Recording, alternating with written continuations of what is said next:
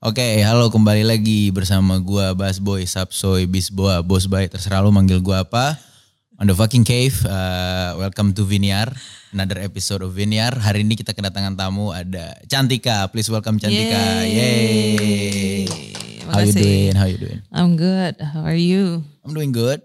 Tadi dari sebelum dari sini lu dari mana nih ceritanya nih? Gue baru banget dari Hotel Sultan karena semalam adek gue kawinan coy. Jadi yesterday I had a long, long, long day. Deh iya pasti dong, apalagi ada lu sendiri. Iya, Bener, kebayang. Pakai baju ribet lah. Iya, pasti pasti pasti. gitu. Terus terus kalau kesibukan sekarang lagi sibuk apa lo? Gue lagi promo eh, single terbaru gue. Jadi kayak gue remake lagu lama gitu. Oke. Terus di luar itu gue juga baru mulai hosting acara musik di salah satu TV nasional. Oke. Terus lagi persiapan buat eh, film juga. Wah, keren keren keren. Seru Lumayan, nih. banyak lumayan, nih, lumayan. banyak nih. Kalau single gue udah tahu. Kalau single gue udah tahu kemarin rilis. Terus yang kedua itu gue baru tahu ini Hosting iya. hosting. Terus yang ketiga film nih Film. ya. Filmnya itu eh, akan ditayangkan kapan kira-kira? Eh, untuk tayangnya kemarin sih gue ngobrol sama produsernya rencananya sih Agustus. Cuma eh, itu belum kayak fix banget. Cuma ya sekitar Agu- around Agustus September lah kira-kira. Karena baru mau mulai syutingnya aja itu eh, bulan ini, bulan Juni ini tanggal 20-an, 23, 24 gitu baru mulai syuting. Tapi syutingnya udah wrap sekarang. Belum belum baru mau mulai. Oh ini baru mau mulai. Ha-ha. Oh iya. iya. Gitu. Berarti kita bahas dari yang pertama dulu dong, single dong. Yes. Single terbaru lo tuh judulnya Tak, Mungkin, Mungkin Ku Melepasmu. Asik. Ini tuh lagu lama tuh dari dari lagu siapa nih kalau boleh tahu nih? Ini lagu dari band Dikta tahun Hmm. 2000-an. Eh, kayaknya waktu pas gue, berarti gue SD gitu lah. Nah gue tuh waktu SD tuh emang dengerin lagu ini juga. Mm-mm. Terus tiba-tiba setelah sekian lama, em, kayaknya mereka juga dulunya under label yang sama sama gue sekarang, Sony Music. Yes. Terus akhirnya di enam tahun lalu, eh, A&R Sony Music waktu itu Inu, ya, Inu yang masih kerja di Sony, dia beride untuk kayaknya seru deh kalau bikin lagu-lagu tahun 2000-an dinyanyiin ulang Hmm, di sama remake ya ya. Hmm. sama penyanyi yang sekarang tapi eh, musiknya komposisi dan aransemennya pakai orkestra semua lagunya Oh mewah banget ya. Uh, nah terus eh, gue salah satu yang diajakin dan gue tertarik juga lagunya juga gue tahu Hmm. gue suka juga Em, jadi enam tahun lalu mereka akhirnya ke Praha untuk rekam orkesnya Hmm, Oh mereka langsung ke Praha? mereka langsung ke, Ke Praha Ceko berarti ya? Iya, Iya, iya. Yes, yes, yes. eh, ngerekam orkes di sana beberapa lagu kalau nggak salah gue 10-12 lagu gitulah yang akhirnya dipilih untuk dinyanyikan ulang terus gue dapet dua lagu tadinya enam tahun lalu itu Hmm. gue ngerekam dua lagu satu tak mungkin ku melepasmu Dikta ini sama satu lagi The Groove eh, satu mimpiku Oke. adalah lagunya The Groove Ah. Eh, tapi udah habis itu proyeknya kayak tiba-tiba di hold aja gitu gue nggak tahu ada masalah apa di hold dulu Hmm. Em, cuma gue juga nggak nggak terlalu nanyain banget karena emang ini bukan project album gue gitu kan Iya, ini iya, projectnya. Sony jadi Iya. kayak ya udah itu di hold sementara gue masih waktu itu sama GAC gitu Eh, baru setelah enam tahun jadi enam ta- selama enam tahun itu file lagu itu ya tersimpan di inbox email gue tuh Iya, shelf. Ah, ah, ah. jadi gue kayak kalau lagi kangen gue dengerin, Dengerin. kayak aduh bagus banget ini gue pengen banget sebenarnya orang-orang bisa dengerin lagu ini gitu terus akhirnya tahun inilah gue mulai sounding lagi ke Sony kayak itu nggak mau diapa-apain ya soalnya kan istilahnya lo juga udah bayar orkes Iya, di sana udah gitu jadi juga. udah jadi iya. gitu The work was already done. bener ya. Eh, sayang banget kalau nggak diapa-apain dan eh, gue rasa kayak generasi gue dengerin lagu itu bisa bernostalgia lagi dan kayak anjir kayaknya dulu gue waktu pas mau putus sama cowok gue atau cewek gue kayaknya gue denger lagu ini deh Iya, gitu. iya, iya. terus eh, akhirnya mereka juga setuju untuk diterusin. Jadi lagu gue adalah lagu pembukaan dari nanti project si Indo Hits Classic. Itu yang akan ada beberapa lagu yang dinyanyikan sama penyanyi-penyanyi lainnya Hmm, juga. Berarti akan ada various artis juga di dalamnya. benar benar Eh, cuma gue bilang sama orang Sony gue pengen rekam ulang vokalnya. Karena kan itu udah enam tahun lalu tuh. Hmm, jadi gue ngerasa kayak udah makin jago nih gue sekarang nih. Enggak justru. vokal gue udah rendah banget. Eh, pokoknya gue ngerasa kayak vokal gue juga udah berubah. Terus eh, karena ini lagu cinta jadi gue ngerasa juga 6 tahun di pengalaman di hidup gue juga udah ad, Banyak semakin banyak terjadi, gitu. iya, jadi iya, iya. mungkin gue bisa taruh emosi yang lebih lagi ke lagunya jadi ya udah akhirnya direkam ulang vokalnya doang tapi orkesnya tetap pakai orkes yang, yang udah kemarin. rekam, iya. Nih, orkes itu namanya The City of Prague Philharmonic Orchestra. Betul. Itu gimana ceritanya tuh lo bisa dapet koneksi ke si Eh, ke sana gitu Iya. ya. Sebenarnya itu idenya dari label sih, sama ide yang bikin the whole project itu namanya Irwan Simanjuntak. Hmm. Mereka yang pilih itu. Jadi it's either Budapest atau enggak di Praha itu. Terus akhirnya pilihannya jatuh kepada Philharmonic Si yang Praha. di yang di Praha gitu. Keren, keren banget, keren banget. Kalau selama proses pembuatannya kira-kira Mhm. ada pengalaman unik banget gak yang yang kayak anjing ini memorable banget nih gitu. Selama lo ngerjain 6 tahun kan Iya, itu ya, iya, iya. panjang maksudnya. Heeh, heeh. Apa yang paling yang paling yang paling unik lah gitu. Yang paling berkesan Eh, buat Mungkin lo. karena gue sama GAC tuh kita kebanyakan bikin lagu dan eh, sound-soundnya banyakan tanda kutip kayak elektronik, maksudnya kayak MIDI gitu Iya, loh, iya. bukan bukan beneran instrumen. Tiba-tiba sekarang diperhadapkan dengan gue nyanyi terus yang ngiringin tuh Orkes, orkes. Iya, Jadi kayak iya. beda banget kan cara nyanyinya, terus kayak feel juga beda banget. Jadi enam tahun lalu ada tuh momen-momen yang gue udah di vocal booth tuh, tunggu tunggu tunggu, nggak bisa nggak bisa, karena kayak bagus banget terus Iya. kayak, aduh, gue mau nangis Iya, gitu. overwhelm ya, overwhelm Overwhelm banget iya. gitu. Eh, karena mungkin itu dimainkan oleh manusia beneran, jadi kayak juga ada rasanya gitu. Organik gitu ya pasti bener, soundnya. Iya, bener bener, banget. bener, Terus bener. akhirnya ada momen yang gue, aduh nggak bisa nggak bisa, ntar dulu ntar dulu gitu. Nah itu tuh jarang banget terjadi selama gue sama GAC karena Ah, kayak ya udah kalau sama GAC ya. Iya, terus kayak upbeat dan segala macam Iya. lebih lebih cepet lah ke pekerjaannya. Iya, Kalau ini kan kayak emosinya dikuras banget ya. Dan setelah akhirnya enam tahun lalu udah rekam vokal, terus akhirnya diulang lagi rekam vokal yang tahun ini, juga tahun ini gue tetap ngerasain hal yang sama gitu loh kayak Ih, aneh banget padahal gue udah denger ini berkali-kali. Udah 6 tahun Heeh, lagi. tetap aja tapi emang emang orkesnya tuh gila Segitunya. banget emang segitunya, Segitunya. sih gitu. Cuy, berarti budak rupiah lo yang nyanyi aja begitu, Pak. Dengerin dong. Apa kabar lo yang dengerin? Makanya lo harus dengerin nih berarti nih. Iya, iya. Terus tuh nih di sini nih ya, ya katanya nih waktu lo lagi proses mau ngeluarin singlenya, Aha. waktu lagi proses rekamannya, lo sempet buka question box di Mhm. Instastory Mhm, lo nanya-nanya betul. soal kisah-kisah cinta cerita yang sedih, sedih. iya, Ha-ha. di orang-orang. Kenapa lo kepikiran pengen nanyanya ke orang? Karena waktu pas rekaman itu gue lagi nggak sesedih itu gitu. Dan kayaknya pengalaman cinta gue yang sedih banget juga udah lewat dan gue udah Udah cope with it. gitu. iya Iya, kayak iya. udah ikhlas menerima. Iya. Jadi gue kayak nggak nggak sedih lagi gimana ya caranya gitu. Terus akhirnya gue iseng buat buka question box itu terus banyak banget yang submit ceritanya dan waktu gue baca aduh sedih banget lagi cerita orang-orang gitu Iya. kan. Ada yang paling sedih gak? Paling sedih? Nah, setelah question box itu, sebelum gue akhirnya rilis singlenya beberapa waktu lalu, gue post satu foto artwork di Instagram gue, terus Hmm. captionnya tuh gue bilang gue pernah gagal nikah tahun 2015, Lo pernah gagal nikah? Heeh, tahun Tahun 2015. And then, and then, and then. Terus gue bilang sama sama followers gue, kalau lu punya cerita sedih bisa submit di email ini. Jadi gue eh, gue sama tim gue buka email gitu, setlovestory101 at gmail.com sampai detik ini juga masih kebuka. Untuk orang-orang curhat aja gitu Hmm.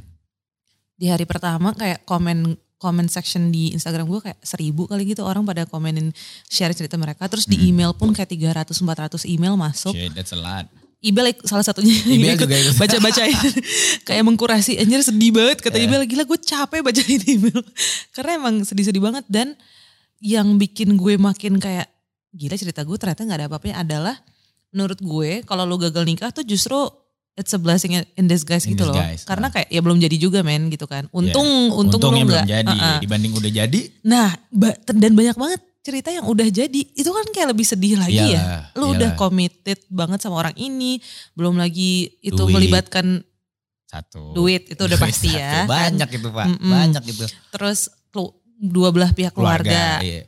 Yang Itu paling nyes lagi adalah ada yang kayak cerita, ya kak ini aku udah nikah, udah beberapa bulan terus aku lagi hamil beberapa minggu, tiba-tiba suami aku kasih tahu kalau ternyata dia tuh cuma dijodohin doang sama aku kayak for the sake of business atau apa orang tuanya Hmm. gitu loh.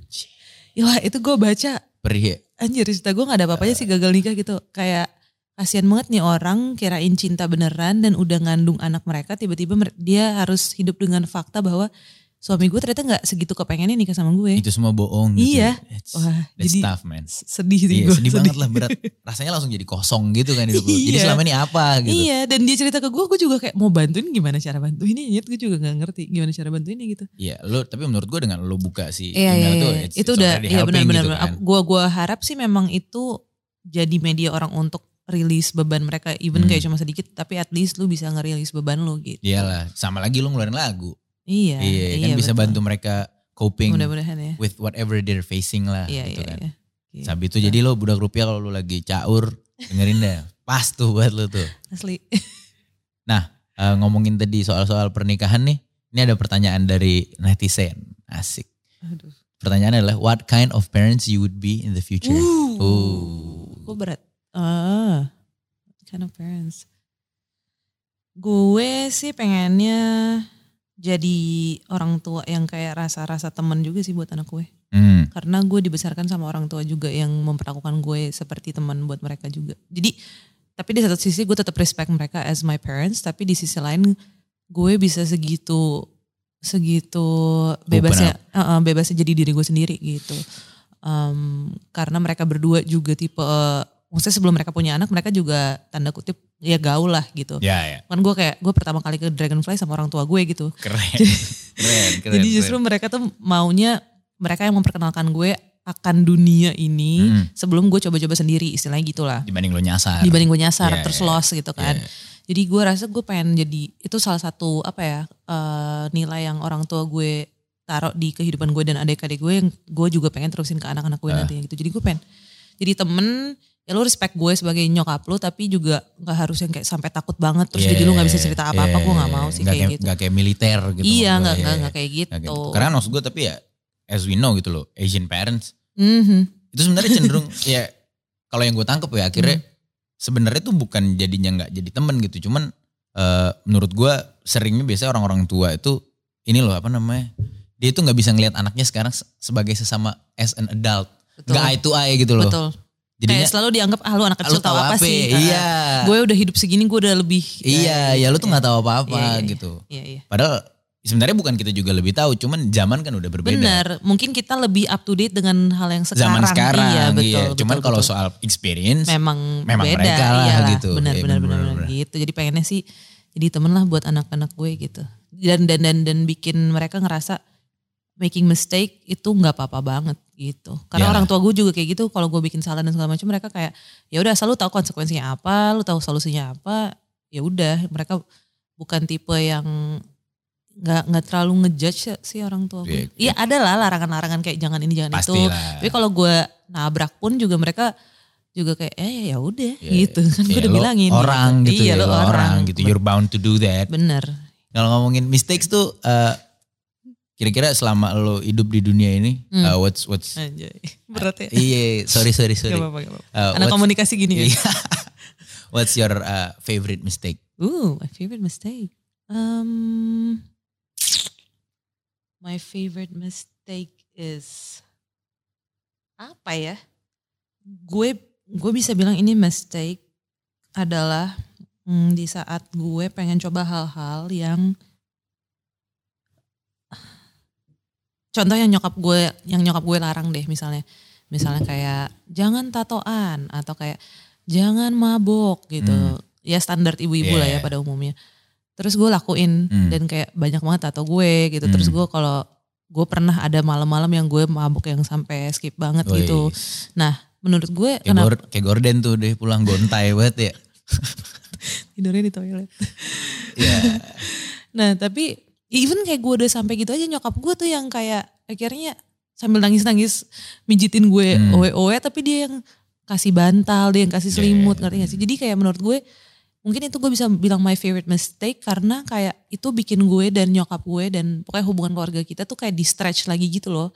Hmm. Bahwa membuktikan bahwa emang family is thank God for me family is my safest place. Hmm, no matter how you do. Bener kayak karena mungkin itu itu jadi eh, mimpi gue adalah untuk punya rumah bener-bener rumah tempat lu Yeah. pulang tempat lu Yeah. istirahat tempat lu bikin salah tempat lu tetap dicintain ya itu tadi no matter what gitu iya. dan ternyata waktu pas gue nabrak semuanya nyokap gue bilang nggak boleh walaupun kayak sorry ya mah gitu gue udah ngelakuin itu semua Iya. tapi at least benar-benar ada tanda kutip hikmah lah di balik semua itu bahwa ya emang keluarga emang seharusnya gitu sih Kalau tato tuh awalnya gimana?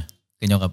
Tato tuh gue emang gue suka gue suka maksudnya gue nggak suka ngeliat orang tato terus emang dari dulu pengen punya tato Ah. Em, terus selalu yang buka jalan tuh adek gue yang cowok karena kayak ya udah lu dimarahin duluan jadi udah agak longgar dikit nih gitu kan. Oh berarti yang duluan tato malah ade lu? Adek gue seingat gue kayak adek gue deh yang tato Baru lu duluan. nyusul. baru gue nyusul Iya. kalau bokap tuh orangnya sans banget bahkan dia pengen tato cuma dia rada takut sama nyokap gue Yeay. Dia nggak pernah punya- nyokap nih. Iya, nyokap ini raja terakhir. Iya. Nah, kalau bokap sama sekali jadi nggak punya tato, tapi dia nggak pernah ngelarang anak-anak yang ngapa-ngapain. Gitu. Karena kayak lo bilang tadi dia juga ada Dia juga suka sebenarnya. Iya.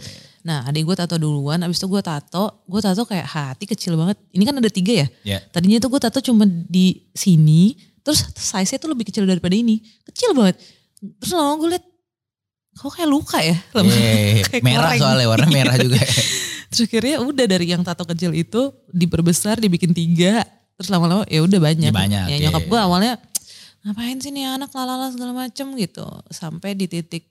Sebenarnya kalau setiap gue nambah pasti dia komen sih. Kayak Kak, ngapain lagi sih gitu. Tapi udah. Udah jadi di badan. Iya diapain? kayak ya udah segitu aja. Paling dia suka bahas-bahas depan temen-temennya. Tahu tuh si cantiknya gitu. Bikin gue merasa salah-salah dikit Iya, gitu lah. di guilt trip lu, di Heeh, guilt trip gitu asli. ya. Tapi ya udah gitu. Terus ini ada pertanyaan lagi nih soal insecurities. Lo Hmm. kalau insecurities tuh buat lu gimana? Lu sering ngerasa insecure gak atau you've already passed that moment? Kayaknya menurut gue insecurity itu bukan hal yang bisa lu selesaiin. Maksudnya nggak nggak ada garis finishnya gitu gak sih? Gak pasti datang lagi, datang lagi, Iya. datang Atau lagi. kalau misalnya nggak nggak hal yang sama pasti ada hal beda baru lain. lagi yang Iya, insecure about ya. Betul gitu. Jadi ya adalah fase-fase yang gue nggak pede karena anjir gue di TV gendut banget ya nyet gitu. Atau misalnya eh, aduh nyanyi gue jelek banget lagi fals-fals gitu. Hmm. Atau gue 2011 tuh per- di gue didiagnosa kena autoimun. Jadi sampai detik ini gue masih punya si autoimun itu. Jenisnya tuh namanya psoriasis. Jadi dia kayak ke kulit gitu. Mhm. Awalnya dari kulit kepala, tiba-tiba kayak satu malam kok gatal banget. Terus gue garuk sampai luka. Mhm. Terus ternyata dia jadi kayak nyebar ke muka. Itu tuh pas zaman gue udah GAC ya. Jadi kayak Lagi banyak show. iya lu bayangin iya. gue harus dilihat orang atau kalau apalagi kalau di TV di zoomnya kan satu muka Iya, gitu iya, ya. iya. Komuk dah. Asli. Iya. Terus itu ada di muka, di bawah mata sini semua. Ke badan semua sampai kaki-kaki kena. Eh, wah itu tuh kayak tahun-tahun gue insecure banget sih. Jadi mau GAC manggung di venue sepanas apa pun.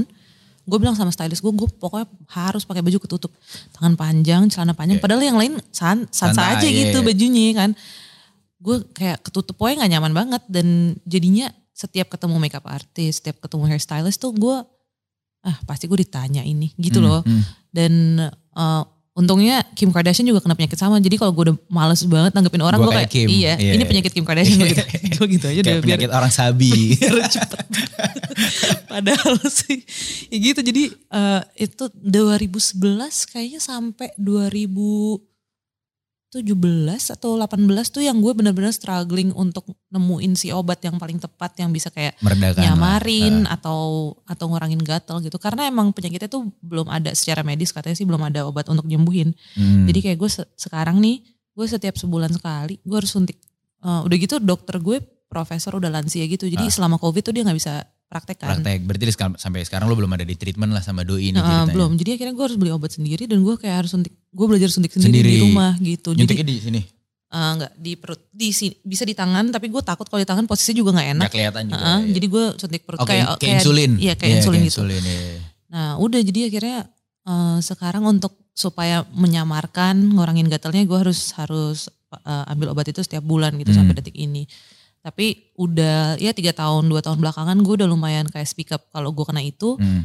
Jadinya power of si penyakit itu terhadap mental gue tuh udah Nah. udah nggak ada lah. Hmm. Nah, Orang-orang juga udah pada, udah pada tahu Iya. dan kayak nggak apa-apa. Jadi kayak oh ternyata waktu gue eh, malah terbuka sama semua teman-teman tentang penyakit gue, ya gue tetap diterima-terima aja. Iya, Ternyata iya, gitu. iya. Jadi gue kayak oh jadi selama ini gue terbebani oleh pikiran gue sendiri aja gitu. Dan karena gue nggak ngomong jadi kayak gue ya insecure sendiri Iya, aja.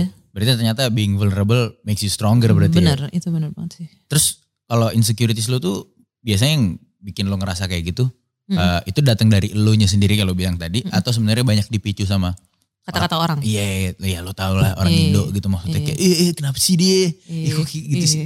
Itu banyak yang kayak gitu. Eh, gue orangnya lumayan tutup kuping ya. Cuma kalau kayak eh, apa namanya tuh durasinya udah mulai sering dan Intens. intens Iya. lama-lama juga kayak Iya, makan dalam Iya. kan, iya, makan ke dalam. anjir kok ganggu juga ya Iya. lama-lama. Lama-lama juga jadi kayak mempertanyakan diri sendiri. Ya emang gue kayak gitu ya? Iya. Gitu jadi eh, kalau dibilang yang maksudnya kita kita sebagai public figure suka menyuarakan bahwa ya lu di sosial media emang bebas sih ngapain ngapain Iya, aja gitu. pasti. Cuma kayak kayaknya emang ada di kata-kata yang perlu sama kata-kata yang nggak perlu lu lu lu tulis dan lu send gitu loh ngerti gak sih? Iya, ya pasti itu. Setuju Karena juga. mau public figure kayak mau orang biasa, gue benci banget tuh sama istilah.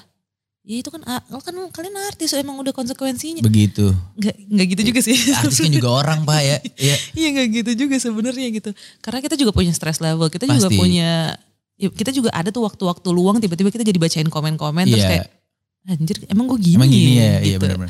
oh gue kurang ya ternyata ya oh karya gue ternyata nggak segitunya dan segala macam terus jadi mempertanyakan diri sendiri tuh emang kita juga ngalamin itu gitu Iya. jadi menurut gue emang penting banget sih untuk tanggung jawab di sosial media gitu tuh ha- harus sih. Kudu, kudu. It's a must ya, it's a Uh-uh, gitu Gue setuju sih karena ya gue akuin sekarang apalagi ya lo tau lah political correctness gitu-gitu kan tinggi banget ya orang-orang makin woke makin melek.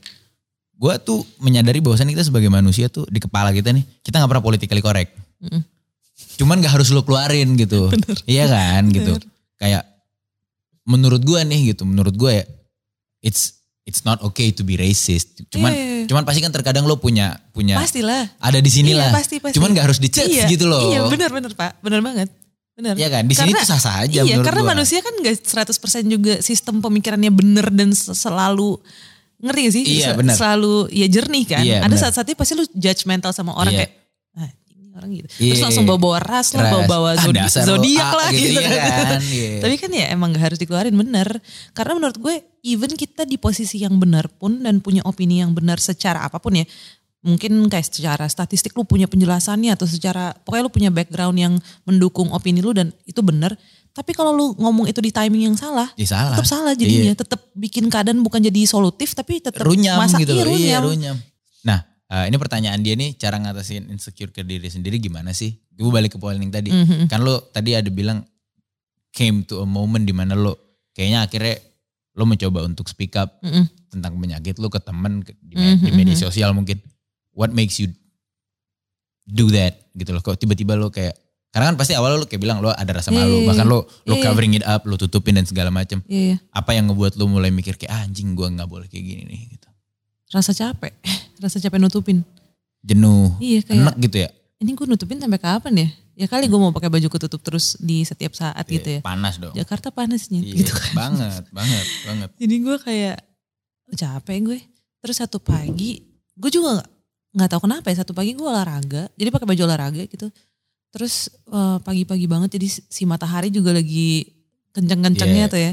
Terus gue tiduran di yoga mat gue. Terus gue kayak ambil handphone buka kamera eh, Depan. depan, Hmm. gitu terus gue ngeliat terus gue udah gue tiba-tiba kayak selfie Habis itu gue gak mikir panjang, gue langsung post aja gitu di Instagram dengan muka gue yang waktu itu lagi flare up banget. Jadi kayak banyak kayak merah-merahnya gitu. Hmm, Gak pakai makeup sama sekali. hmm.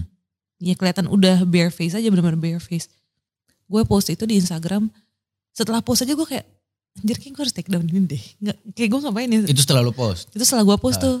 Karena selama ini misalnya as simple as setiap stories pakai filter. Iya. Setiap ngepost diedit dulu Yeah. sejam gitu kan. Tiba-tiba hari ini gue ngepost tanpa gue edit tuh setelah post jadi tetap eh ini bener gak ya gue ngelakuin ini janjian Hmm. orang-orang jadi gak suka sama gue ternyata kayak eh si cantiknya ternyata gak semulus yang kita tahu gitu ya Hmm. misalnya. Tapi udah gue kayak coba diemin 15 menit, 20 menit, sejam. Ternyata Ternyata kayak malah respon orang-orang tuh kayak slay gitu. iya Yes queen gitu ya. Preach it girl gitu. pada kayak ternyata pada banyak yang curhat juga kayak iya kak aku juga kena ini lalala Eh, dan segala macam lah pokoknya. Padahal maksud gue tuh bukan mau attract kasihani gue dong Iya, nggak iya, gitu. bukan lo nggak. gak nyari simpati juga. Iya, enggak, gitu enggak, ya. enggak, enggak. Gue cuma bilang, oh waktu itu soalnya baru-baru covid, terus kita semua tuh masih bingung, ini apa, Apa, sih dan iya, sampai iya. berapa lama gitu kan. Jadi gue sempat, eh, sebenarnya caption gue bukan tentang, halo saya kena penyakit ini, tapi lebih kepada, gue bilang eh, orang suka ngeliat gelas yang ada airnya setengah. Mm-mm. Kalau orang bilang itu, oh ini gelasnya setengah isi, kita semua sebagai society bilang, oh ini orangnya optimis banget nih. Iya. Tapi kalau ada orang yang bilang, oh ini gelasnya setengah kosong, kita Pesimis. society bilangnya dia pesimis gitu. Iya. Padahal kayak, iya nggak harus dikotak-kotakin cara Juga, pandang lu iya, tuh, iya, oh lu bener. tuh orangnya negatif, lu orangnya positif gitu. Iya. Enggak, dan gue bilang semua perasaan yang lu rasain detik ini pas kehidupan tuh lagi nggak jelas, mau lu sedih, mau lu seneng, mau lu kecewa, mau lu marah, mestinya kita tuh nggak harus kotak-kotakin sedih, marah, kecewa tuh perasaan negatif, terus positif tuh bahagia, iya, iya. terharu itu tuh positif Iya. nggak harus menurut gue kayak hidup ya lu rasain aja semuanya That's dan feelings man. iya gitu. ya. gitu dan in order to feel happy dan lebih bersyukur akan happy itu happiness itu lu harus ngerasain sedih dulu lu harus ngerasain kecewa baru pas happy datang lu kayak Lo tahu happy itu Iya, apa happy itu gitu. apa gitu. How Jadi- that means to you. betul Yeah. jadi sebenarnya waktu pas gue ngepost itu gue lebih kepada gue udah capek banget nih sekarang nutupin semuanya Hmm. dan terserah lu mau lihat gue sebagai oh si Cantika selama ini bohong ya kasih kasih Hmm, filter, filter atau lu mau ngeliat gue sebagai Cantika oke juga nih bisa bisa ya udah Berani gitu berani gitu, ya, gitu. speak up. terserah lu dan lu mau nganggap hidup lu sekarang dengan kondisi ini hidup lu menyenangkan atau lu mau seneng-seneng atau lu mau lagi mau nangis seharian di rumah nggak apa-apa semua nggak apa-apa gitu. Gue cuma pengen pengen ngasih tau aja. Ternyata semua nggak apa-apa ya. Iya emang gak pernah ada yang apa-apa iya nggak pernah nggak pernah harus ada yang dikotak-kotakin. Nggak boleh sedih terus nggak boleh ngerasa malu terus dengan kulit ya mungkin aja emang ada fase gue harus ngerasa malu dengan kulit gue lu jerawat lagi gue nih gitu Kalau lu gak akan bisa ngerasain bangga kalau lu gak pernah malu. Iya bener-bener yang lu bilang. Setuju, setuju. Ya gimana ya maksudnya kayak gue setuju sih itu berarti lu butuh hal negatif juga. iya hal-hal yang iya ya Yang kita Iya, bilang iya, tadi jangan ngotak-ngotakin iya, gitu. iya, Cuman yang let's say sedih. Iya, iya, let's say, iya, so-called iya. negatif lah gitu. Mhm. Supaya lu bisa iya ya, ngerti ngerasain. maksudnya Ngerti iya, iya. maksudnya si positifnya. Keren, keren, keren, keren, keren. Kak Cantika kepikiran mau bikin single atau album rohani gak? Sebenarnya gue suka banget dengerin lagu-lagu rohani gitu ya. Kayak? kayak gue suka Israel. Pernah denger gak ya? Ada ada namanya Israel Houghton, terus Hillsong. Hmm. Pokoknya ada band-band dan penyanyi-penyanyi eh, yang bawain lagu-lagu apa ya? eh, Kristen gitu lah. Church ya, church songs gitu. Gue tuh suka karena menurut gue very uplifting, terus Hmm. kayak ya seru aja secara musikalitas juga seru Hmm. gitu dan mereka uh, bisa explore macam-macam, tiba-tiba ada yang hip hop, tiba-tiba ada yang ada Yeah. R&B Hmm. gitu-gitu, tiba-tiba ada yang gospel gitu kan. Jadi menurut gue sangat menarik.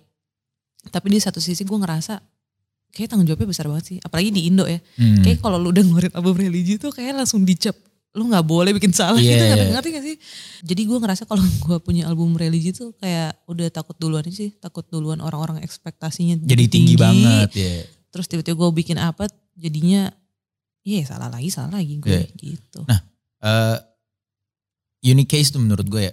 Eh, kan banyak ya dari kalau gue yang merhatiin hip hop musik di luar rapper-rapper yang Mm.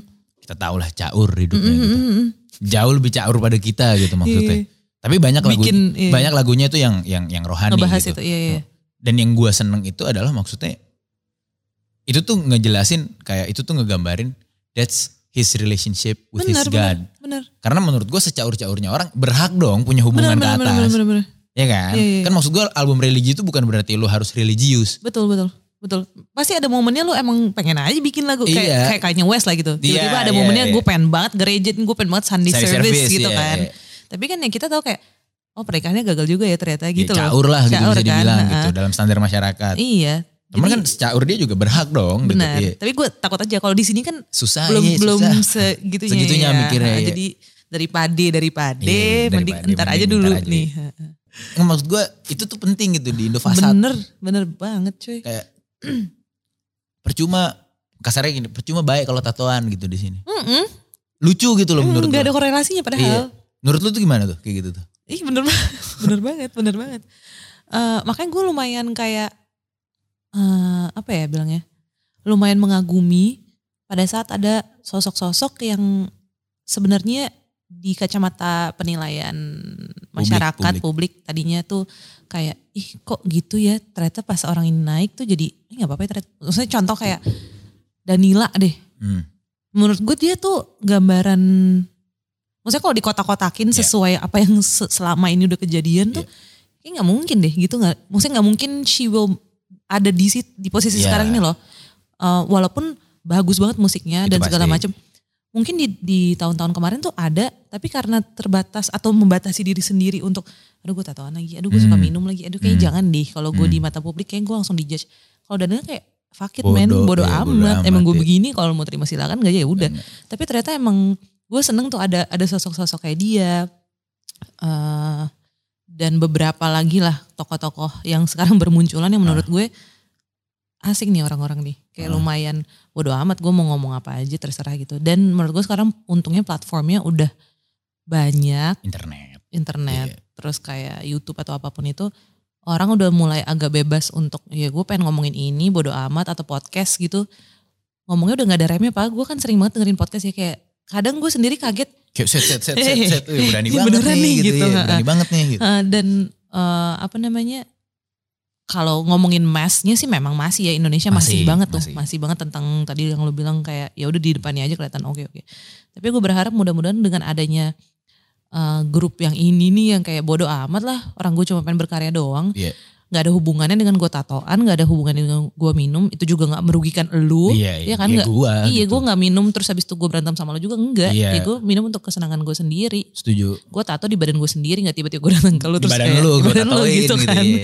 jadi as long as nggak merugikan lo menurut gue mesti kita santai-santai aja sih Harusnya ya. harusnya Iya. sih gitu jadi mudah-mudahan sih orang-orang Indonesia semakin terbuka matanya dan bisa ngelihat karya atau apa yang kita kerjakan dibanding penampilan gitu Dibanding siapa orangnya gitu kali ya. iya iya iya iya benar Nah ini kalau gitu lo mau bilang apa sama orang yang suka banget ngurusin hal pribadi orang lain?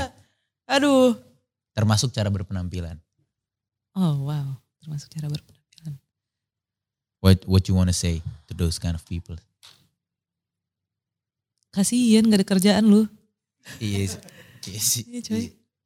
Coba deh cari lowongan kerja gitu. Iya. Ke ini dah ke ke pembangunan jalan tol. Iya bisa kali lebih berguna kan. Iya. Jadi dinikmatin sama masyarakat gitu Iya. hasil kerja lu. Dibanding lu kayak gitu nggak Iya jelas. siapa yang nikmatin nggak ada Nggak jelas. kalau ngomong-ngomongin orang. Tapi gue masih masih lumayan kena tau pak kayak gitu-gitu maksudnya eh, Sampai sekarang. ngotak-ngotakin atau mereka berekspektasi gue tuh looknya seperti apa gitu Ma- masih. Emang ekspektasi mereka lu lu kayak gimana? Maksudnya ada lah ya acara-acara yang kayak gue pakai baju yang sesuai gue gitu. Hmm. tiba-tiba eh callingan selanjutnya eh Candika bisa lebih kayak perempuan lagi gitu. Gue kayak Kayak perempuan. Lu emang gak kayak perempuan? Ini sekarang lu gak kayak perempuan ini. Emang lu kayak apa? Jadi waktu itu baju gue padahal kayak Robot. gini. Terus gue pakai celana ya mirip kayak gini lah. Perempuan kan gitu maksud gue. Iya, Emang, emang iya kan, apaan gitu? Kan definisi perempuan bukan dari apa yang dia pakai. Dipakai sih, iya gitu kan. iya. Terus gue pas minggu depannya dikasih itu gue kayak, lah maksudnya gim- gimana ya nih ya? Maksudnya kalau memang mereka berekspektasi si cewek satu ini untuk pakai dress atau pakai rok ya Hmm. bukan gue berarti orangnya. Hmm, Jadi iya. kalau lu milih gue lu salah salah pilih. Kenapa nggak pilih yang lain Mm-mm, gitu ya? Ada juga kalau mau opsi yang perempuan dengan pakaian yang seperti itu ada. Tapi ya gue kayak gini gitu. Tapi kira lu dateng gak cari tuh? Dateng gitu. Tapi gue bilang kayak "Hmm, maksudnya apa lebih. gue sambil ketawa-ketawa aja gitu Ah. di ruang wardrobe. Ah. Iya ini disuruh ganti katanya suruh lebih perempuan gue juga bingung cewek. gimana gitu. Terus akhirnya lu pakai baju yang lebih cewek tadi. Enggak gue tetap akhirnya bilang ya kalau mau misalnya oke main warna atau apa gue oke deh. Tapi Bentuknya, ya, gue sih begini sih iya, iya, nyamannya. Gitu. Keren, keren. Berarti lu melawan ya. Luma- Lumayan lah lumayan. Pang. Keren, keren, keren. Cantika, masalah apa yang gak bisa lo hadapi dalam percintaan? Cia. Kenapa ada Kayaknya- cianya? Jawab aja. sorry, sorry. yang gue nggak bisa hadapin. Kayak kalau sampai detik ini gue masih hidup, berarti kayak gue hadapin semua deh. Gak ada yang gak bisa. Mungkin pada saat di fase ada masalah itu datang, di saat itu mungkin gue ngang- nganggepnya kayak nggak bisa nih. Shit kayak, gitu ya. Berat banget. bisa ini. nih gue putus nih gitu. Eh tapi pas udah dilewatin, eh bisa. ya. Bisa-bisa aja. Iya. Jadi menurut gue nggak ada sih kayaknya masalah yang kita nggak bisa lewatin. Karena gue, nah gue percaya tuh prinsip kalau kita udah dikasih masalah, yang si maha pencipta tuh pasti udah ngasih kita kekuatan juga untuk lewatin. Hmm, Kan hmm, dia maha tahu ya. Iya. Jadi dia tahu tuh kayak awal dan ending hidup kita. Terus pas ada masalah dia juga udah tahu pasti kayak masalah lu di tanggal segini nih ada masalah tanggal segini. Tapi kan dia tahu endingnya di mana. Jadi menurut gue kayaknya mau pas kita di dalam masalah itu ngerasain berat banget. Somehow tuh pasti udah dikasih tools-toolsnya sebenarnya untuk lewatin. Untuk ngelewatin ya. Nah, Tinggal pilihan kita aja kita mau stretch ourselves untuk nambah limit kita lagi atau kayak lu mau di zona nyaman terus untuk kayak aduh nggak berani takut ntar gue luka ntar gue sakit ntar gue kecewa terus jadinya diem aja gitu Keren, keren, keren. Nah, ngomongin masalah tuh, maksud gue, lo penyanyi Hmm. eh, dengan gue bisa bilang jam terbangnya banyak lah gitu. Maksudnya lo harus manggung di sini, ke sana, ke sini. Ditambah sekarang lo ada host, Mm. terus lo mau main film. Tapi kan lo tetap orang nih, walaupun eh, masyarakat masyarakat tuh kan suka lupa terkadang eh, eh, entitas publik tuh, public figure tuh dianggapnya bukan orang. Kayak lo tuh diharap stay on character sempurna ya, ya. all the time. Nah, itu gimana cara lo untuk apakah lo melakukan itu atau enggak? Kalau lo melakukan itu gimana cara lo untuk ngeriset emosi lo? Terus lo bisa tetap profesional waktu gawe? Ada fasenya gue nggak profesional juga. Itu kayak gimana Ada. ceritanya? Fasenya lu gak profesional. Hmm, gue orangnya lumayan moody gitu pak. Jadi eh, ada banget kayak hal-hal kecil yang bisa bikin gue jadi switch untuk ah bodo amat lah gue nggak mau nggak mau harus ramah, nggak mau harus Ya. senyum gitu tuh ada. Waktu pas sama GAC tuh sering terjadi karena timnya juga lebih besar, terus Mm-mm. lebih banyak orang yang terlibat juga, jadi lebih banyak chance untuk ada yang miss lah gitu. Ya. Salah satu misalnya ada yang bikin salah atau salah satu ada yang wah apa pun itulah. Jadi ada tuh fase-fase yang gue bener-bener gak bisa poker face lagi di interview terus kayak yang interview gue sotoy gitu tentang GAC misalnya. Gue gua gak sotoy kan? Enggak, enggak, enggak, enggak, Oh, enggak, enggak. Sip, sip, sip. Sotoy atau misalnya as simple as kayak oh ya ini Gabriel salah panggil nama semua gitu. Ah, Pokoknya salah panggil nama lah iya, iya. gitu. Lu apa sih lu Kayak- gitu? Iya kayak ya masa nama kita aja lu salah, Salah, gitu iya. kan. Terus udah diingetin nih. Pas udah i- lagi iklan diingetin bukan bukan Gabriel ini udah diingetin namanya Hmm. ini ini ini. Oh iya iya iya. Terus kayak ngegampangin aja gitu. Hmm. Pas on air salah lagi. Nah, Iya. kalau udah gitu tuh gue udah kayak nggak bisa lagi, gue udah limit limit kesabaran gue udah udah lu tabrak gitu loh. Hmm. Nah, fase-fase sama GAC sih sebenarnya lumayan bikin gue kayak mendewasakan gue untuk em ya itu tadi yang dari awal gue balik lagi ke awal kali ya.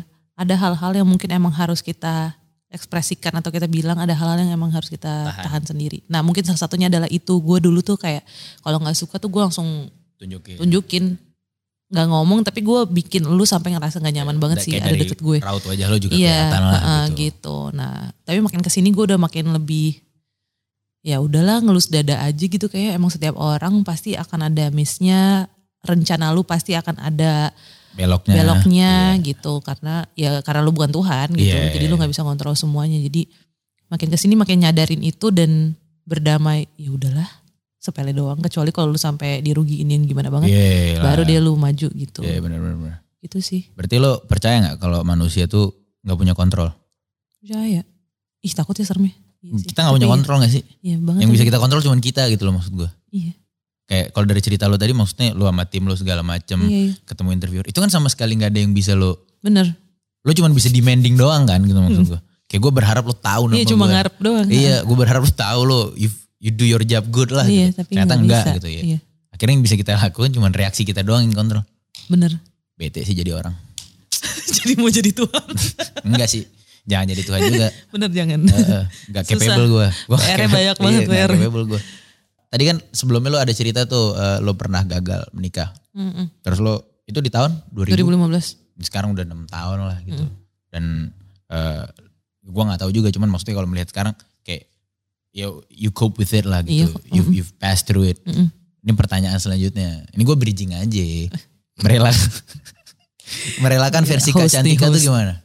Merelakan versi gue adalah eh gimana ya merelakan versi gue ya? Gue agak bingung sih kalau put that in words, tapi yang pasti gue mungkin gue bisa jelasin adalah lebih kepada gimana gue ngerelain itu kali ya. Jadi gue percaya banget dua prinsip yaitu eh, waktu bakal nyembuhin lo itu pertama, Mhm. tapi harus diikuti yang kedua yaitu untuk sembuh itu juga ada di pilihan itu ada di tangan lo. Hmm. Karena semua orang waktu dikasih. Kita semua dikasih waktu. Maksudnya untuk either lu mau milih untuk sembuh atau lu mau terus-terusan nangis Mm. dan kayak nyeselin dan fokusnya di masa lalu lu gitu Mm. kan. Jadi menurut gue dua itu sih yang jadi kuncian gue adalah eh gue menggunakan waktu gue untuk nangis senangis nangisnya. Mm. Bodoh amat, gue lagi nggak mau makan, gue nggak paksain untuk nggak bisa cantik kayak besok kamu harus pagi dan harus produktif lagi. Enggak, gue tipe yang kayak I feel like crying, terus kunci diri gue di kamar nggak makan ya udah gue lakuin aja Hmm. sampai di titik karena gue yakin ya semuanya tuh ada ada batasnya maksudnya lo mau seneng juga ada batasnya Sedih. lo mau sedih ke ada juga. jatuh juga ada ada tuh pasti eh, dataran bikin lu oh, udah bentok ya lu Hmm. bakal balik lagi ke atas gitu Hmm. kan kayak bola jadi eh gue menggunakan waktu gue untuk grieving segrieving grievingnya dengan segala fase-fasenya sampai di titik yang oh udah nih kayak udah cukup gitu Hmm. mungkin kalau mau kayak beberapa tahun kemarin-kemarin mungkin cara gue adalah stay put langsung nangis tapi sambil cari orang baru gitu ya. Mm-mm. Gue nggak bilang itu bekerja di semua orang tapi di gue That's how it works to you ya. Itu gimana kayak gue akhirnya bisa jalan terus. Walaupun di di mungkin beberapa bulan pertama dengan si orang baru gue akan punya intensi untuk ngebanding-bandingin kan. Karena Yeah. kayak ya baru putus tuh Yeah. dia udah sama cowok baru pasti kayak eh kalau mantan gue dulu kayak lebih ini deh. Hmm. Oh ini gitu. Hmm. Ada tuh fase-fase itu. Mm. Cuma untungnya hmm, nggak berhenti di situ. Akhirnya gue mulai bisa kenal orang baru, terus kayak yaudah jalan sama dia dan udah Hmm. kayak yaudah lupa sama yang masa lalu dan segala macam. Jadi ya itu waktu dan pilihan dan menurut gue hmm, cara lu untuk move on tuh banyak banget sih pilihan masing-masing aja. Ada yang kayak emang apa ngambil waktu untuk diri sendiri. Mm. Kemarin terakhir gue pas putus lumayan tuh lumayan kayak sendiri terus ngelakuin hal-hal yang gue suka aja yang tadinya waktu pas pacaran kayak susah waktunya. Akhirnya waktu pas sekarang benar-benar sendiri punya Lo lakuin waktu, gue lakuin, puas-puasin, iya, puas-puasin. Dan itu menurut gue lumayan ngebantu sih. Terus kalau menurut lu, ini lambung ke cerita lu tadi nih, ini gue sambungin ke pertanyaan Hmm. netizen. Calon pacar atau suami harus good looking gak? Harus lah. Kenapa? Gue gak mau punya anak jelek anjir. itu salah satu ketakutan gue dalam hidup. Gue selalu ngomong itu sama sahabat-sahabat gue. Terus sahabat-sahabat gue, apalagi yang udah punya anak tuh pada bilang, gak mungkin nyet lo kalau udah punya anak pasti anak lo tuh paling cantik dan paling ganteng di hidup lo. Gue agak ragu sih sama prinsip lo nih gitu. Karena karena ada banget kayak gue punya teman-teman yang tiba-tiba pas punya baik, gue bingung mau komen apa kayak, eh Eh, lucu nggak lucu? baik ya gitu baik bisa bisa nilai banget loh anak bayi baik gitu kan Paling pinter, pinter. iya pinter ya gitu nah gue tuh nggak mau punya anak yang pas lahir gue kayak bingung mau komen apa gitu loh kayak ih cewek ya gitu Ya, gitu emang doang cewek gitu kan. Berarti good looking tuh salah satu patokan penting. kan iyalah menurut kalau lu? bisa lah kalau bisa Kalau- kalau iya bisa, lah, kalau please bisa. banget lah gitu Kalau nggak bisa, aduh masa nggak bisa sih iya. Masa nggak bisa sih? eh ya pengennya sih good looking tapi kalau misalnya aduh nggak bisa ya nggak bisa nggak bisanya adalah gue punya standar Iya. paling minimnya gitu Iya. kayak oh masih ini masih bisa dapet gen-gen gue lah gitu atau Ah. misalnya kayak aduh udah nggak bisa ketolong sini jangan deh gitu Tapi menurut lu, eh, maksud gua kan Aduh. good looking itu bisa dibilang faktor eh, banyak faktor itu lu nggak bisa milih. Mm-mm. You're just born with it. Mhm. Tapi menurut lu kalau buat orang yang mungkin merasa dirinya nggak nggak nggak nggak good looking, Mhm. itu sebuah sebuah kayak udah lu fix lu nggak bisa ini itu nggak bisa dapet cewek nggak bisa ini itu Nggak- iya atau enggak itu sebuah halangan nggak sebuah obstacle nggak atau itu bisa di overcome sama hal-hal yang lain gitu ini apa ini maksudnya kasusnya untuk deketin gue atau Enggak, kayak dia sendiri? lu, dia sendiri iya. kan? orang lah dia gitu, kan iya, dengan iya. hidupnya dia. Dengan hidupnya ya dia. bisa bisa bisa lah kalau deketin lu? Coba kan tergantung cuy. Nggak tapi kalau menurut gue ya fisik.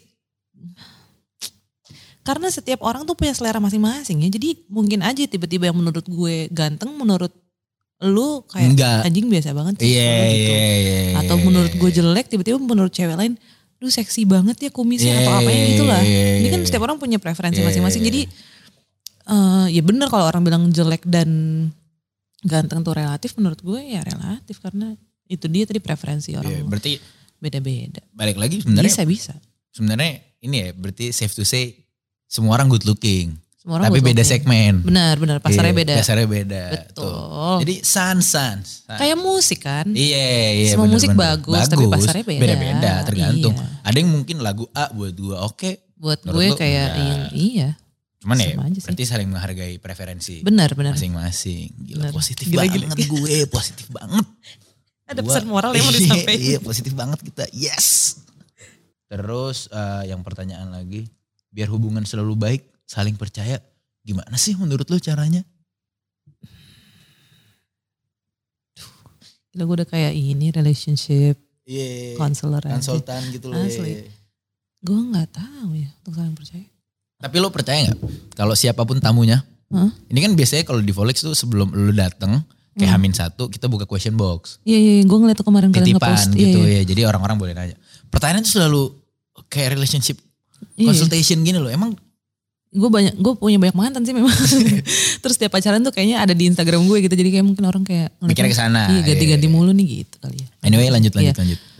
Eh, saling percaya ya dari masing-masing diri masing-masing gitu gak sih untuk saling percaya maksudnya keputusannya dari kita tapi kita juga yang ngebuat gimana caranya si pasangan bisa percaya gitu Em, kalau di last relationship gue padahal LDR ya kayak Jauh nih LDR cerita jauh. enggak nih. enggak enggak jauh-jauh banget Bali Jakarta doang Oh iya. iya. cuma tetap aja kayak Bali godaannya banyak banget ya Jakarta Iya, juga sih Iya di mana mana sih Iya sih. sebenarnya sih. Nah, Nah, entah kenapa yang di last relationship tuh gue memilih untuk padahal di sini bisa gue kalau mau ngapa-ngapain ada juga maksudnya ada juga yang kayak iseng-iseng nanya Asik. Heeh, gitu-gitu Kuncian tapi gitu ya. iya tapi gue emang udah memutuskan dan janji ke diri gue sendiri bahkan gue nggak janji ke pasangan gue sih Ini Iya, lebih ke komit sama diri lo iya gak sih? kayak ngapain ya gue kalau kayak gitu ya Iya. iya, iya. terus ujung-ujungnya gue sendiri yang harus nyapu-nyapuin bohong-bohong nyapu-nyapu Iya, iya, iya. Kayak, Repot aduh dah, ribet iya, apalagi gue dah. udah umur segini kayak Iya. aduh males deh gue main-main api kayak gitu Mhm. kalau dari gue sih ya komit ke, di di atas komitmen kepada lu dengan pasangan lu ya ke diri sendiri sih karena kalau bohong sama orang lu bisa tapi kalau bohong sendiri sama diri sih Nggak nggak bisa, bisa, orang bisa. lu yang lakuin lu Iya, tahu iya, semuanya Setuju, setuju. gitu sih Setuju. menurut gue Karena kalau lu mulai karena kalau lu udah kebiasaan bohong sama orang tuh ya menurut gue, ntar lu jadinya kebiasaan bohong sama diri sendiri. iya kayak udah enam gitu kan insting Iya, lu untuk iya, jujur tuh udah nggak ada, nggak ada. udah tumpul Reflect aja gitu jadinya lu Iya. jadi kayak pathological liar gitu loh. bener-bener Dan menurut gue sih kalau nggak tahu ya, kalau lu udah sampai sering banget bohongin diri sendiri, biasanya orang ini cenderung karena gue pernah juga di fase gue banyak bohong sama Iya, diri gue iya, sendiri. iya. Itu tuh beneran sampai yang lu tuh nggak nyaman ngeliat reflection lu di depan kaca. iya iya kayak, anjing, nih ya. orang gitu. Setuju gak lo? Kayak anjing nih orang emang nih bangsat gitu. Gak jelas lo gitu. Kayak lu males gitu loh ngeliat sebelum lu. orang ngatain lu kayak lu anjing lu udah ngatain diri lu Iya, sendiri anjing kayak iya. dan menurut gue "Ih, itu apa gak, sih lu gak gitu?" nyaman ya. Iya. Hidup sama diri sendiri. Iya, tapi dengan- relationship sama benar. diri sendiri gak, gak nyaman gitu. Karena kayak enak lu ya. tahu anjing gue gak punya value ya, gue gak berharga ya. Bahkan untuk diri gue sendiri gue gue ngerasa gue gak berharga apa gitu. kabar orang lain iya, gitu. apa kabar orang lain gitu. Dan ada sih orang-orang yang bilang kayak iya supaya saling percaya dan bisa dipercaya udah kasih kebebasan aja lalala nggak nggak tentu juga sih maksudnya ada juga orang-orang yang dikasih kebebasan malah bablas Iya. ada yang memang yang dikasih kebebasan yang bisa tanggung jawab sama diri sendiri gitu. Ah. Jadi kuncinya tetap menurut gue ya komitmen lu sama diri lu sendiri aja lu pengen jadi orang yang kayak gimana sih? Iya. Karena gue ada fase kayak lu juga mungkin yang kayak bisa nih bohong-bohong nih, bisa nih kayaknya Hmm. kayak asik nih kalau misalnya eh, nggak ada komitmen sama si B tapi bisa jalan sama B tapi gue komitmennya sama A, A, gitu iya, kayak iya. seru ya kayaknya gitu kan. Kayaknya waktu gue juga masih panjang. Tapi pas udah di umur segini kayak ngapain ya ntar kayak ujung-ujung gue sendiri deh yang repot. Mau itu ketahuan ataupun gak ketahuan. repot. Repot. Repot setuju gue. Bohong tuh repot. Emang repot. Kadang lu gue lupa gue bohong apa ya iya, iya nutup-nutupinnya tuh kan Iya, repot ya. Maksud harus gue lu inget ditambah kita di umur segini tanggung jawab makin banyak. Mm-mm. Kerjaan Mm-mm. repot. Terus lu harus nambah-nambah lagi job Iya desk lu itu gitu. kayak lu lu kasih kerjaan ke diri lu sendiri lagi aja gitu. Iya jadi job desk. Heeh, jadi gak usah mendingan. Setuju, setuju, setuju. Berarti lu budak rupiah jangan bohong-bohong. Yes. Janganlah bohong. Positif terus ya Bas Boy. Don't lie man. Don't lie. Terus ini pertanyaan terakhir. Menurut lu ada gak umur yang kayak ideal nikah atau ya nikah kapan lu pengen, kapan lu siap? Kalau lu? Kayaknya ada deh sebenarnya yang idealnya ya. Sama kayak minuman alkohol lah. Kenapa di disebutnya Ada, harus oh, iya, 21 iya, iya, iya, iya, iya. Karena Sabi, iya kan se- Make sense, make sense. secara apa namanya biologis dan research lalala emang orang mikirnya lebih dewasa di pada saat dia udah 21 tahun Iya, ke iya, atas. iya, Jadi iya, menurut gue kayaknya sebenarnya age sadly age does matter menurut gue untuk pernikahan Hal gitu ya. kayak gitu ya. Untuk big decisions ya lebih Iya. tepatnya ya. Karena Age does matter. Ya. pasti banget sih, pasti banget pengalaman lu, eh, waktu lu hidup, semakin lu tanda kutip tua ya, bukan dewasa, maksudnya semakin lu tua, lu semakin tahu banyak hal dan itu pasti kan bi- bikin cara berpikir lu berbeda lagi Iya, benar. dan lebih terstruktur atau apa apa pun itulah. Jadi menurut gue umur untuk menikah itu emang penting banget sih. Ya maksudnya kayak anak umur 17 tahun, 18 tahun, Janganlah. Iya, kalau Iya. nikah kan iya elah, Kecot, gitu iya, kan. iya, iya. Kayak enggak sih gitu. Walaupun kita nggak bisa bilang oh itu pasti pernikahan cuma 2 tahun, 3 tahun bisa aja mereka Iya, banyak sampai juga yang lama-lama iya, iya. iya, Tapi mungkin juga. pasti struggle-nya di awal-awal pernikahan jauh lebih berat karena memang dua-duanya masih tanda kutip anak kecil. Unstable, Unstable. emotionally dan lain-lain. Benar. Gue gue setuju, gue setuju. Gitu sih. Nah menurut lu gimana nih Kak? Kasih pesan dong buat budak-budak rupiah. Terakhir nih last banget soalnya. Kasih pesan buat budak-budak rupiah yang sedang-sedang dihujani. Dihujani suara-suara. Suara. Suara-suara sumbang itu. eh hidup lu beneran cuma sekali sih. Walaupun mungkin lu dapat hidup sekali dengan durasi 60 tahun, 80 tahun, tapi itu cuma sekali gitu kayak Hmm. kita nggak pernah bisa punya kesempatan kedua lagi. Terus eh, ya karena waktu tuh terus jalan gitu ya kayak kita nggak bisa nggak bisa rewind. Mm. Eh, jadi kalau misalnya you feel like lu udah melakukan hal yang benar dan itu lu cintai, just do it beneran deh. Karena bahkan ini ini sedihnya, ini mungkin karena gue orang tuanya suportif dan segala macam, jadi gue dengerin dengerin suara mereka gitu ya. Mm. Tapi gue kemarin ketemu anak 20 tahun cowok, Hmm. dia harus ganti-ganti. Ini kedengarannya sepele, tapi menurut gue ini sangatlah esensi banget ya. Dia harus ganti-ganti olahraga gara-gara dia mulai misal tinju. Nyokap bokapnya tahun ini dia ikut tinju. Udah latihan lalala. Mau tanding gak dibolehin sama nyokapnya. Ini anak cowok ya, gak dibolehin. Kira dia ganti olahraga lagi ke wall climbing. Hmm. Udah wall climbing ini mau ke tebing gak dibolehin sama nyokapnya. Mm. Dia sampai bingung kayak, terus gue harus ngapain Apa ya? ini ya? Jadi menurut gue kalau yang tipe orang tuanya seperti itu, kadang gue menyarankan untuk tanda kutip lu rebel sedikit lah. Kayak Hmm. karena itu masih hal yang positif gitu, itu bukan hal Hmm. negatif yang Tapi kasih lakukan. pembuktian. Kasih pembuktian gitu dan lu bisa tanggung jawab akan hal yang lu suka lakukan Hmm. gitu.